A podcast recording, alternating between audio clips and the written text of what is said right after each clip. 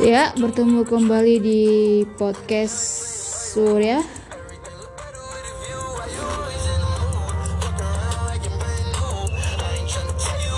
Semoga hari kalian dalam keadaan bahagia dan sehat.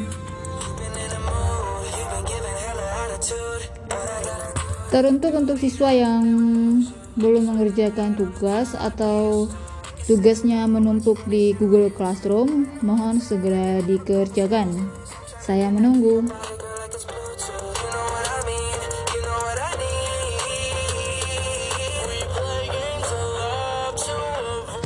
Baik, materi hari ini adalah tentang kalimat utama dan kalimat penjelas. Kalimat utama dan kalimat penjelas selalu kita temukan di setiap teks. Apa pun jenis teksnya, kita pasti akan menemukan suatu paragraf. Nah, di dalam paragraf itu terdapat beberapa kalimat yang terdiri dari kalimat utama dan kalimat penjelas.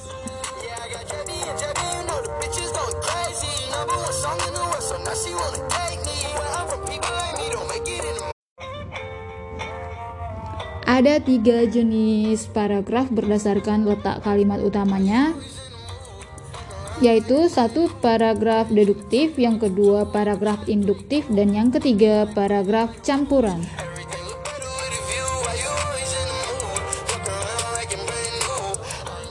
Paragraf deduktif itu adalah paragraf yang letak kalimat utamanya di awal paragraf. Contohnya sebagai berikut. Teknologi digital merupakan teknologi yang sistem operasinya berjalan secara otomatis dengan menggunakan sistem komputerisasi. Itu kalimat utamanya. Selanjutnya dijelaskan menggunakan kalimat penjelas, yaitu pada dasarnya teknologi digital hanya sistem penghitungan yang sangat cepat. Itu kalimat kedua. Kalimat yang ketiga, teknologi digital memproses semua bentuk-bentuk informasi sebagai nilai-nilai numerik atau kode digital.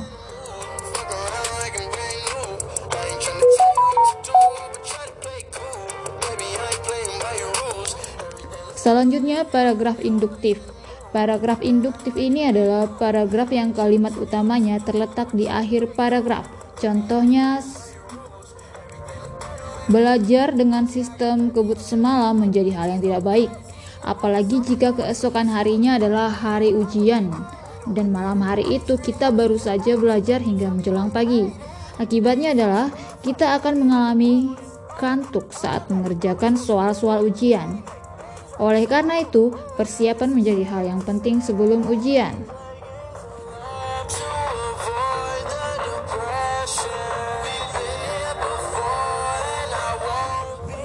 Yang ketiga, paragraf campuran.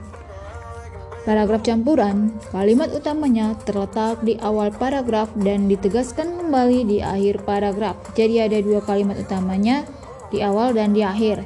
Contohnya adalah membaca adalah cara terbaik untuk menguasai ilmu pengetahuan. Itu kalimat satu. Selanjutnya ditegaskan kembali di kalimat penjelas agar lebih detail kamu bisa meningkatkan penguasaan sebuah ilmu dengan membaca. Bila kamu mau pintar di bidang hukum, cukup dengan membaca buku-buku hukum.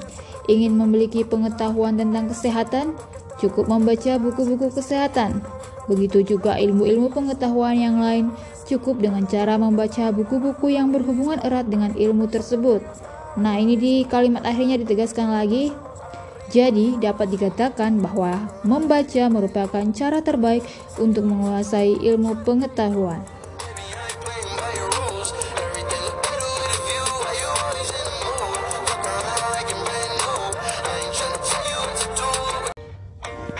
Hal yang perlu kita perhatikan dari materi kalimat utama dan kalimat penjelas adalah bahwa kalimat utama itu adalah kalimat inti Kemudian kalimat penjelas, kalimat yang menjelaskan kalimat inti.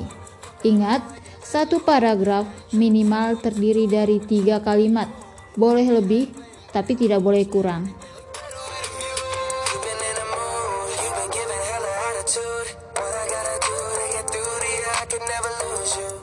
Baik, sekarang giliran kalian untuk membuat contoh paragraf yang kalimat utamanya terletak di awal paragraf. Kemudian yang kedua paragraf yang terlet yang kalimat utamanya terletak di akhir paragraf. Yang ketiga paragraf yang kalimat utamanya terletak di awal dan akhir kalimat. Jadi ada tiga. Membuat contoh paragraf deduktif, membuat contoh paragraf induktif dan membuat contoh paragraf campuran.